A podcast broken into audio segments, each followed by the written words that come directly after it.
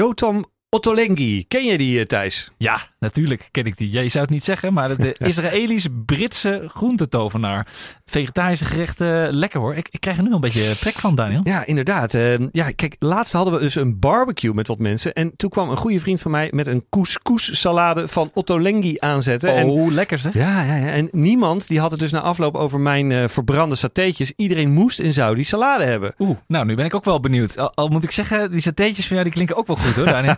nou, dat vind ik heel lief van je. Maar goed, uh, voor mijn verjaardag kreeg ik uh, van uh, Polanja, mijn vrouw, niet een verbrande satéetjesboek, maar een Otto Lengi groenteboek met, ja, met dit recept er ook in. Eigenlijk gewoon een enorme dikke vette hint. Ja, je moet afvallen van de coronavirus. ik denk het. Is het ja. Maar goed, ja, voor de liefhebbers zet ik het recept wel even in de show notes.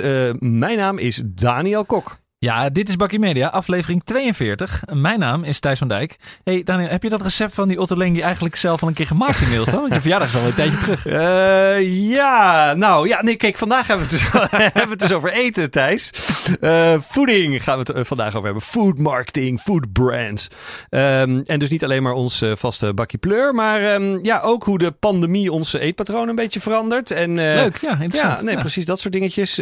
takeaway met Deliveroo, Deliveroo en uh, thuisbezorgd Uber Eats en uh, natuurlijk ook uh, online supermarkt Picnic. Zeker. En wat nog meer even denken. Um, ja, nou ja, goed. Kijk, wij zijn voor dit onderwerp natuurlijk best wel een soort van simpele schaapjes die dagelijks netjes ons bordje leeg eten. Maar er zijn natuurlijk ook verschillende experts en goeroes die ons kunnen helpen te begrijpen wat er nu allemaal in godsnaam aan de hand is met dit onderwerp.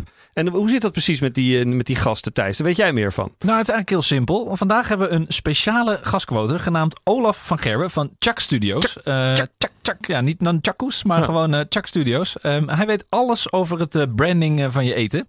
En die gaat ons proberen te overtuigen dat alle foodbrands eigenlijk een culinaire identiteit nodig hebben. Dus ik ben ook enorm benieuwd. Um, en Olaf neemt ons ook mee in de moderne wereld. Hè, waarbij je voor je voedsel steeds meer wordt overgeleverd aan de algoritmes. En steeds minder terugkomt bij die winkel vanwege dat leuke meisje bij de kassa. Of dat lekkere goede gevoel. Nou, ik, ik weet nog niet of ik overstag ga, Daniel. Ja, het goede gevoel. Hè? Het goede gevoel. Comfort food hoor je ook wel eens. Comfort food. Nou, kijk, voor mij persoonlijk is, uh, is dat ook wel visueel. Hè? Ik ben echt iemand van, van visuele zaken. Ik zit nu uh, in een podcast waar je mij verder niet kan zien.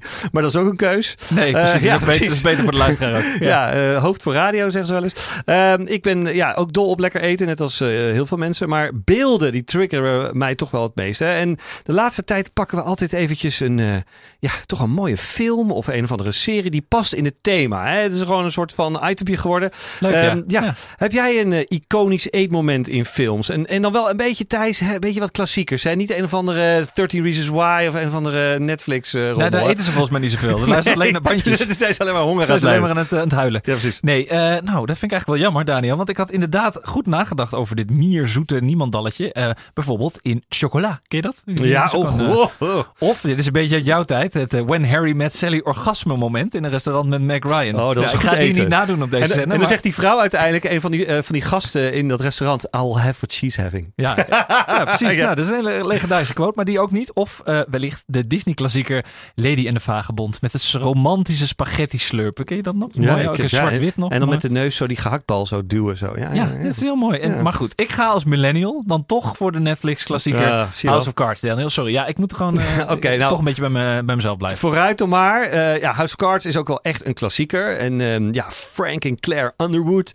De moderne versie van het Witte Huis. Maar ja, wat heeft dat eh, dan met eten te maken, Thijs? Ben ik wel benieuwd naar. Nou, dat zal ik je vertellen. Voor de vleesliefhebber, maar ook voor de vleeshater, zitten er eh, namelijk cruciale eetscènes in deze serie. Die ook nog een beetje een politieke lading eh, hebben. Bekende MeToo-dader inmiddels. eh, Kevin Spacey speelt er een sluwe politicus. Frank Underwood dus. En die klimt een beetje op meedogenloze manier naar de top. Hij bezoekt ook altijd midden in de nacht een heel klein barbecue tentje in de ghetto van Washington. Genaamd Freddy's Ribs. Ja. Ja, hij veegt daar een paar vette spare ribs eh, naar binnen onder het, eh, nou, het gesprek wat hij dan heeft met eigenaar eh, Freddy.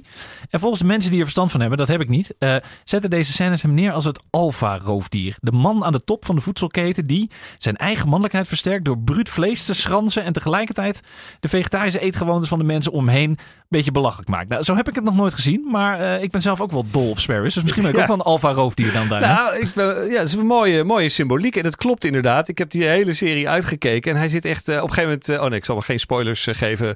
Eh, bijvoorbeeld van dat Freddy's Ribs afbrandt of zo. Dat Nee, lekker. Dit was toch de spoiler. Sorry. maar het is een mooie symboliek. En eh, je kan ook niet heen om, om de vergelijking met Trump. Ja, die schijnt dus vooral fastfood te eten. Dus McDonald's, KFC, die gaan daar natuurlijk denk ik wel een beetje van profiteren. Ja, met de naam als Donald lijkt me dat ook niet zo gek. Ja, Nou, nee. McDonald Trump. ja, precies. Maar weet je, is- wat heel interessant is, Trump heeft dus de beste smoes ooit om vet vreten te vreten.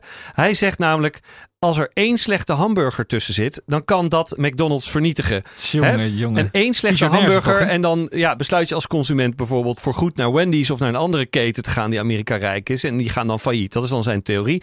Maar hij zegt ook, ja, ik hou van netheid. En ik denk dat je daar beter naar zo'n fastfood tent kunt gaan dan misschien naar een plek waar je geen idee hebt waar het eten vandaan komt. Ja, Eh, de mensen eten wel heel netjes in zo'n eh, in zo'n fastfood tent. Dat zie ik ook altijd in de McDonald's Ja, en de KFC. Van die Nou, geprocessed eh, koeien, koeien die, ja. Oh, echt waar, joh. Weet je, een soort gratis purpose marketing eh, van Ome Donald. Dus eh dankjewel, eh meneer Trump. Eh, de wereld een beetje op zijn kop, toch? Maar Ja, zeker. wel weer een interessant en mooi inzicht. Hey, en, maar goed, nu hebben we mijn serie gehad. En welke films of, of serie moet jij dan denken als het gaat over eten? Jij als echte foodfilmkenner. Nou, ik had dus ook Lady in the Vaakgebond, eh daar had ik ook over Ja, nagedacht. dat is een beetje maar- jouw tijd ook, toch? Jaren 60? Ik- Ja. ik- Oh ja, nee, precies. Toen ik min 15 was. Ja. Maar nee, ja, een andere tekenfilm is natuurlijk ook tof. Ratatouille, ook Ah, ja, klassieker. zeker, ja. Maar vond ik ook allemaal wat te makkelijk. Ik dacht, er moet toch iets meer eh, echt, eh, echt eh, zeg maar, de, de, de, de oude boeken in gaan duiken. En ehm, ja, als het over film en eten gaat, is er altijd één film die me te binnen schiet. Echt een oudje. Inderdaad, jaren 70. Ja. Pikzwarte comedy La Grande Bœuf. Klinkt wel leuk. Ja, vrij vertaald is dat de grote schranspartij. En ja, het verhaal gaat over vier rijke vrienden die zeg maar hun burgerlijke leven, ja, en alle, alle dingen daaromheen, dat, dat willen ze eigenlijk een beetje verlaten. En dan hebben ze een lang weekend gepland en dan gaan ze zichzelf letterlijk dood eten. ja, Nou, en dan trekken, ja, Leuk, ze- eh, lekker filmpje. Nee, Ja. precies. Ze trekken zich terug in een, in een eh, soort eh, villa, luxueuze villa. En ja, ze bestellen ook nog voor het gemak ook een paar prostituees. Ja. Jezus, nou wat een bizar verhaal. Dit is een soort voorloper van de hangover, maar dan, dan anders. Food over. ja, precies. Alleen er gaan mensen dood. Dus, Nou, ik, ik denk dat ik deze film nog even moet gaan kijken. Die heb ik ook nog niet gezien. Dat, maar dat verhaal zou in deze tijd niet echt meer kunnen, toch Daniel? Nee, nee, nee, nee, nee, nee. Dit is echt, deze film is echt next level bizar. En ja, er komt wel allerlei soorten eh, eten langs. Dus oesters, ene paté, crepe Suzette, kalkoen en een drillpudding. En heel veel vieze, gore aardappelpuree. Gadverdamme, ik, echt, ik word een beetje misselijk. Ja, het is echt een, een, een beetje pervers, decadent verhaal met eten, seks, zelfmoord. Het is eigenlijk wat, wat de makers bedoeld hebben, en dat moet je er wel echt goed in kunnen zien, is een aanklacht tegen de consumptiemaatschappij. Kun je nagaan, toen Oh, al. Toen al. Toen, waren Ja. ze al tegen, toen hebben ze eigenlijk corona al eh, opgevraagd. Ja. Ja, precies. Dan vonden ze dat wel nodig. Maar nou ja, wij als eh, middelbare schooltieners die moesten dit zien natuurlijk. De film was toen al best wel een beetje eh, verouderd. eh, maar het thema van nou, dat je zeg maar een toplaag hebt van rijke, decadente mensen die eigenlijk een soort minachting hebben voor eh, het leven zelf, maar ook voor eten. En ehm, dat ze hun eigen luxe eigenlijk gewoon ook gewoon stom vinden. En dat er miljoenen mensen van honger creperen tegelijkertijd. Ja, dat is toch wel een hele interessante, ja, een interessante eh, boodschap. Jezus, echt, soms verbaas ik me echt over met wat voor bizarre verhalen je eigenlijk weer kan komen, Daniel. Dit, dit bedenk je toch zelf niet? Maar goed, Nee. al heb ik er ook nog eentje gevonden op Netflix. Die wat mij aanbevolen door mijn eh, Spaanse vriend. The Platform. Dat is een bizarre film ook over het verschil tussen rijk en arm in de voedselketen. Zitten ze met z'n allen op een soort platform. En dat zakt dan naar beneden. En op elke verdieping eh, mogen mensen wat vreten. Eh, moet je wel een sterke maag voor hebben als je deze gaat kijken trouwens. Eh, ja, ik zal geen spoilers doen, maar ik- het is niet echt een aanrader. Oké. Ehm, voor de millennial en de Generation Z-luisteraar, eh, ja, jullie hebben wel weer wat om over na te denken. Maar we maken van onze films en series en eh, over food en over eh schranspartijen snel een sprong naar onze gastquote van vandaag. Olaf van Gerwen, oprichter van Chuck Studios, een videoproductiebedrijf dat is gefocust op voedsel en wat eten beroemd wil maken. Dat is prachtig, hè? Ze, werken onder andere dus al voor McDonald's, voor Honig, Heinz, Subway, eh, noem het maar op. Olaf, take it away. In ons dagelijkse werk merken wij bij Chuck Studios dat het merkbouwen door foodbrands uiterst serieus genomen wordt. Merkwaarden worden vertaald in een visual identity, in een sonic identity. Maar de keuzes die je kunt maken over hoe het product, het eten wordt afgebeeld, worden vaak ad hoc of tijdens de PPM besproken. En daarnaast, foodproducten lijken nou eenmaal veel op elkaar. En er zijn vele tradities per categorie waar maar lastig aan te ontkomen is. Stelling: een foodproduct verdient een culinaire identiteit. Met een culinaire identiteit zorg je ervoor dat je met het in beeld brengen van je product een uniek plekje inneemt in de categorie. Dat je over tijd en over verschillende media consistent bent en dat je product iets zegt over je merk. The food speaks the brand door een culinaire identiteit. Ja, voedsel, film en fotografie. Dat is wel echt een ambacht. Hè? Kijk, de, Zeker, vo- ja. de voorbeelden op hun site vind ik ook wel eh, geweldig. En eh, zijn stelling is dus dat een merk naast een audio- en visuele identiteit ook een culinaire identiteit moet, eh, moet hebben. En ik stel me dan zo voor dat ze bij Chuck Studios met een brand bible komen met allerlei voorbeelden waarbij dan de do's en don'ts in staan eh, voor jouw merk. Nou, zit wel wat in denk ik. Wat denk jij Daniel? Ja, nou ja, goed. Kijk, Olaf brengt het absoluut overtuigend hoor, moet ik zeggen. Ook echt een goede stem. Echt Ja, een zeker goede weten, ja. kerel voor in onze podcast daarom. En, maar ja, goed. Ja, een culinaire ide- identiteit. Hè? Ik had het eigenlijk nog nooit eh, gehoord. En ik stel me dan een beetje, je hebt het over do's en don'ts. Ik stel me dan zo'n beetje voor dat je dan dingen krijgt als... eh, Oké, bij honig moet er altijd minimaal drie soorten groenten zichtbaar in de soe- soep drijven. Zeker in de groentesoep. Ja, precies. Sowieso. En Of dat je bij Subway zegt dat de sandwich altijd minimaal 27,5 centimeter minimaal moet zijn, weet je wel. Ja. Eh, nou, kijk, en ik snap dat wel. Ik, ja, er zit wel wat in. En ik, maar aan de andere kant heb ik ook een beetje twijfel. Ehm, ja, kijk, aan de ene kant is het een goed idee dat grote bedrijven dan inderdaad basisregels hebben voor, voor, voor hun food-uiting. En maar aan de andere kant ben ik dan ook een beetje bang. En nou ja, dat is een vraag terug aan Olaf. Dat alles van tevoren dan helemaal zo wordt vastgelegd. En steeds vaker dat ze dan op een gegeven moment ook met camera-angles. En je mag alleen nog maar dat shot maken. En eh, ja, weet je, misschien is dat, wordt dat ook wel makkelijker in de productie. Maar ehm, ja, het was ook inderdaad wat jij net zegt over ambacht. Ik ben ook een beetje bang dat dan echt ja, juist die creativiteit een beetje verdwijnt. Dat zou ik dan wel weer eh, zonde vinden eigenlijk. Ja, maar dat is toch ook wel een klein beetje hoe de wereld nu werkt. Een beetje voorgekookt. Hè? Ik bedoel, waarom zou je een risico nemen als McDonald's of Domino's Pizza dat je pizza koud is of dat het eh, broodje uit elkaar valt? Ik bedoel, ik vermoed dat dit ook een, een manier is hè, waarop eh food videoproductiebedrijven een beetje opschuiven in de waardeketen, eigenlijk hun eigen voedselketen. en eh, ja, zo worden ze toch een beetje meer food consultants, denk ik. En, en dat is ook wel waardevoller dan alleen de productie eh, voor hun. Dus ja, het lijkt een soort nieuwe eh, U soort ja, USP te zijn. En dan maak ik er even een UFP van, een unique food point. Oh, Ja, oh, ja wat zeg je kijk. daar dan van? Ja, unique food point. Nou, dat, die kan in ieder geval op de muur van de, van de bullshit bingo, Ja, denk ik zeker dan. weten, ja. Maar goed, ehm, Olaf had dus niet één, maar twee quotes voor ons. Eh, Dus we gaan nog even door. Food is the never-ending hype. Eten zit vol met tradities, waarden, geschiedenis en connotaties. Instagram stroomt ervan over. Digitalisering met de snelheid van het licht zorgt ervoor dat we koopbeslissingen anders maken. Van online boodschappen doen tot meal delivery tot maaltijdboxen. Allemaal leuk, maar je kunt niet even ruiken of beetpakken. Eh, en je komt niet meer terug voor het leuke meisje achter de kassa of dat goede gevoel.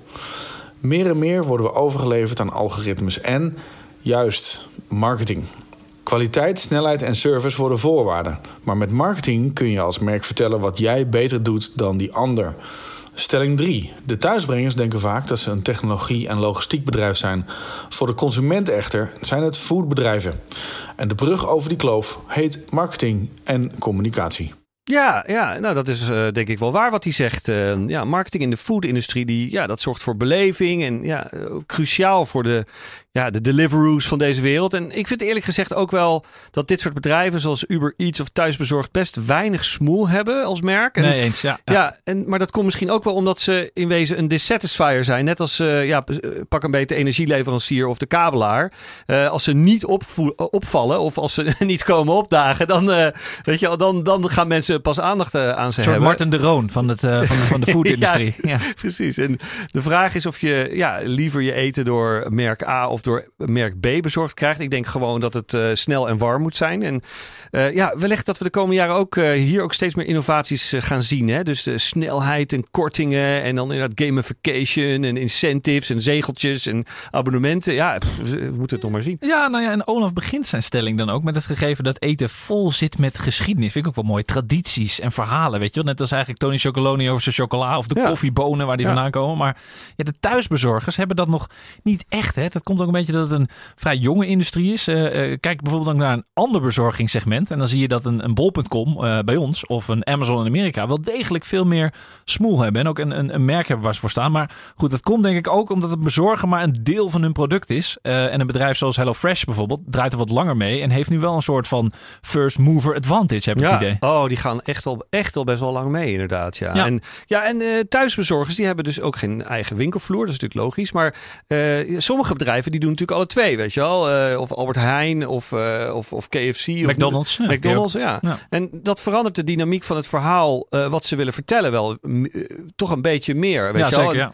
En ehm, ja, ook de focus hè, want, en de marketingbehoeften. Want waar verdien je uiteindelijk het geld? Verdien je dat in de winkel? Verdien je dat dan in de bezorging? En, ja, en wat dacht je dan nu in de coronatijd met sterrenrestaurants uh, zoals uh, Johnny Boer of Parkheuvel of Rijks, die ook ineens gingen bezorgen. Weet je wel? En bij dit soort bedrijven is denk ik dan toch word of mouth en PR minstens zo belangrijk als, als marketing dan. Nou, en in die zin moet ik onze vriend Trump toch een soort van geluid geven. Want bij McDonald's weet je wat je kan verwachten. En dan, dan maakt de mening van je buurman niet zoveel meer uit. Je komt gewoon voor lekker voor die kwarte pounder of voor die Big Mac. En ja, bij andere meer high-end merken, zoals je zei, bij Rijks, dan is het toch een beetje afwachten wat je krijgt, toch? Ja, eens. Ja, ja. ja, nou ja, goed. En food business is ook veel breder dan alleen delivery. Hè? Ik ben er ook even inge, ingedoken. Ja, ik had niet maar, anders verwacht. Ja, nee, natuurlijk. Toch even kijken waar we het hier over hebben. Uh, food delivery is op dit moment nog maar 6% van de hele foodmarkt. Weet ja, je? dat is wel bizar. Ja, toch best weinig. En, nou ja, het groeit natuurlijk wel nu keihard door corona. Dat veel mensen thuis blijven en dat ze minder uit eten gaan. En dat ze inderdaad, uh, ja, weet je, in die zin uh, groeit dat als kool. Maar deze cijfers, 6%, dat, dat, dat viel me een beetje tegen eigenlijk. Ja, dat vind ik inderdaad ook wel opvallend. Maar het lijkt ook wel uh, meer aan de hand te zijn dan alleen uh, marktaandeel en groei. Want mijn gevoel zegt dat het ook over de mindset van de consument gaat. Dat die, dat die dusdanig aan het veranderen is. Hè? Door de sterke opkomst van deze food delivery partijen veranderen we eigenlijk als consument van een impulsieve shopper in de supermarkt of nou ja, een andere winkelketen naar een soort voorbereide shoppers. We gaan steeds vaker over naar een weekmenu of een weekplanning. En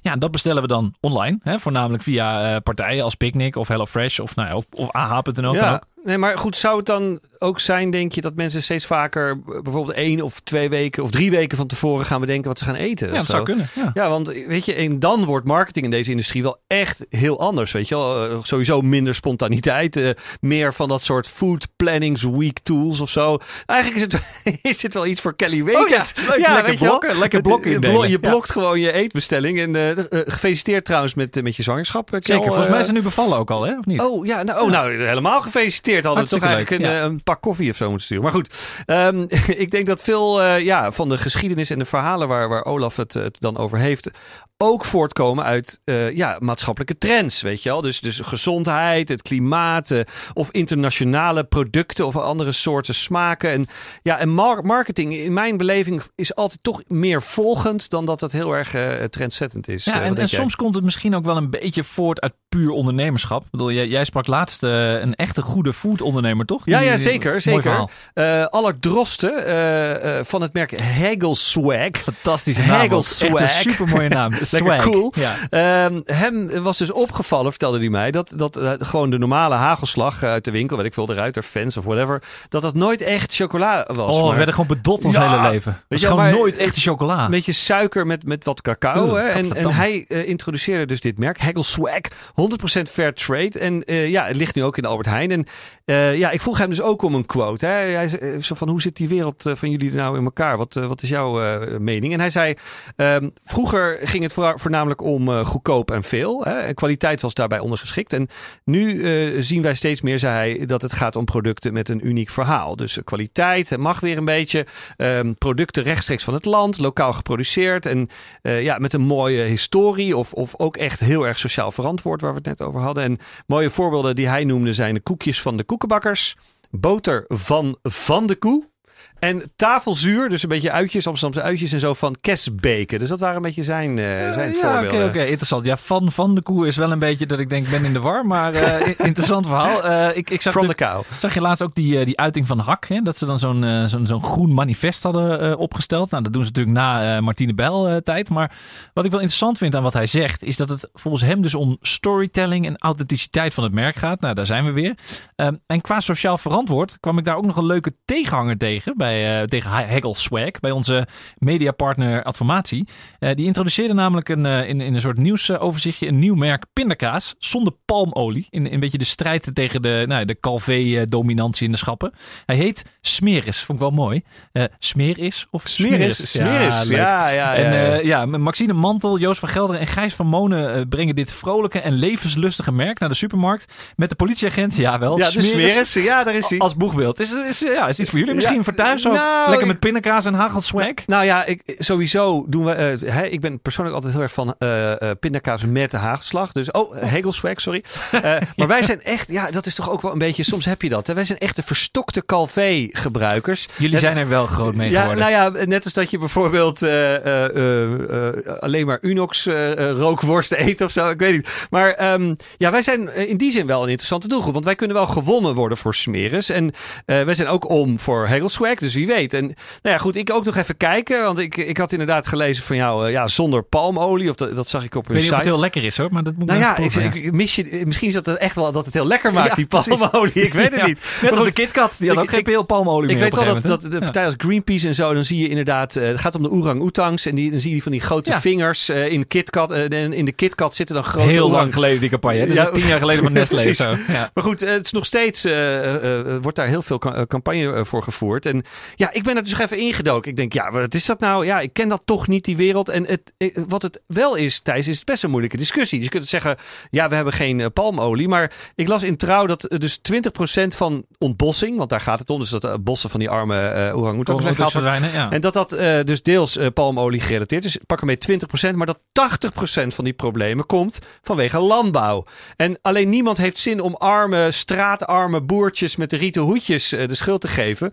Nou ja, en dus is palmolie met de grote bedrijven uh, ook wel uh, fijn om daar uh, nou ja, ruzie mee te maken. En ja, ik weet je, um, ik, ik vind het lastig als je dan een wetenschapper nodig hebt om dan in je aankoop te adviseren. Dus alleen die palmolie argument, ja, vind ik een lastige. Dus voor mij persoonlijk. En ja, misschien moet ik het, ik wil toch wel echt mijn best doen om een keer te proeven. Ja, misschien en, moeten we gewoon de proeverij organiseren. Sm smeren met hagelswag. Ja, Kijk precies. Ja, ja, ja. Nou ja, weet je het ook is? Het regenwoud is natuurlijk ook een eind weg. Hè? Het is een beetje ver van onze, ja. ver van ons bedshow. En je ziet trouwens nu ook uh, dus die trend dat kleinere partijen steeds vaker hun producten regionaal halen ja, en, en, aanbieden. Nou, dat snapt iedereen wel. Hè? Geen kap, geen lang transport, uh, vrijlopende kippen, nou, noem maar op.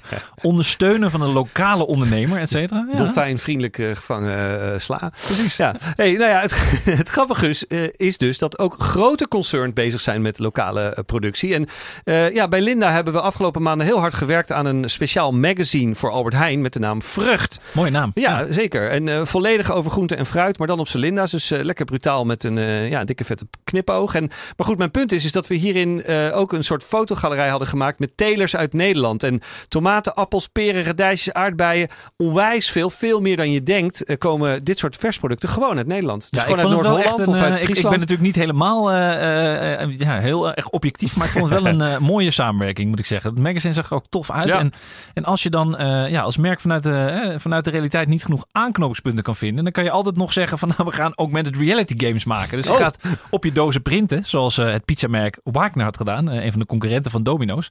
Ja, dan kan je op je pizzadoos een uh, QR-code scannen en dan krijg je lekker acht verschillende games die je kunt spelen met pizza's. Als je dan de vruchten klaar bent. Oké, oké, oké. Nou ja, goed. Op zich een lekker stukje pizza, daar ben ik altijd wel voor te porren. Of, of Thijs, gaan wij dan als twee alfa-apen lekker aan het vlees schranzen, net als Frank Underwood? Nou, maar dat lijkt me op zich wel prima. Maar laten we dan die hele Grand Boef even overslaan. Nou ja, weet je wat? Die kunnen we altijd nog met elkaar overwegen als de tweede coronagolf eenmaal is toegeslaan. Maar weet je wat? Uh, doe maar gewoon lekker een bakje koffie. Dat is gewoon makkelijker. Ja, dat ga ik nu ook gewoon voor je zetten ook, kerel. Lekker makkelijk. Hey, dit was Bakkie Media. Uiteraard is deze aflevering terug te luisteren op Soundcloud, Spotify en Apple Podcast. Ook zijn we te vinden op de platformen van onze mediapartners, de Adformatie en de Ondernemer. Op social media zijn we ook te vinden. Op Twitter via @bakkiemedia, op Instagram via @bakkiemediapodcast en ook op Facebook voor onze familie en vrienden via Bakkie Vergeet vooral niet te liken, sharen en te commenten. Tot volgende week. Au revoir.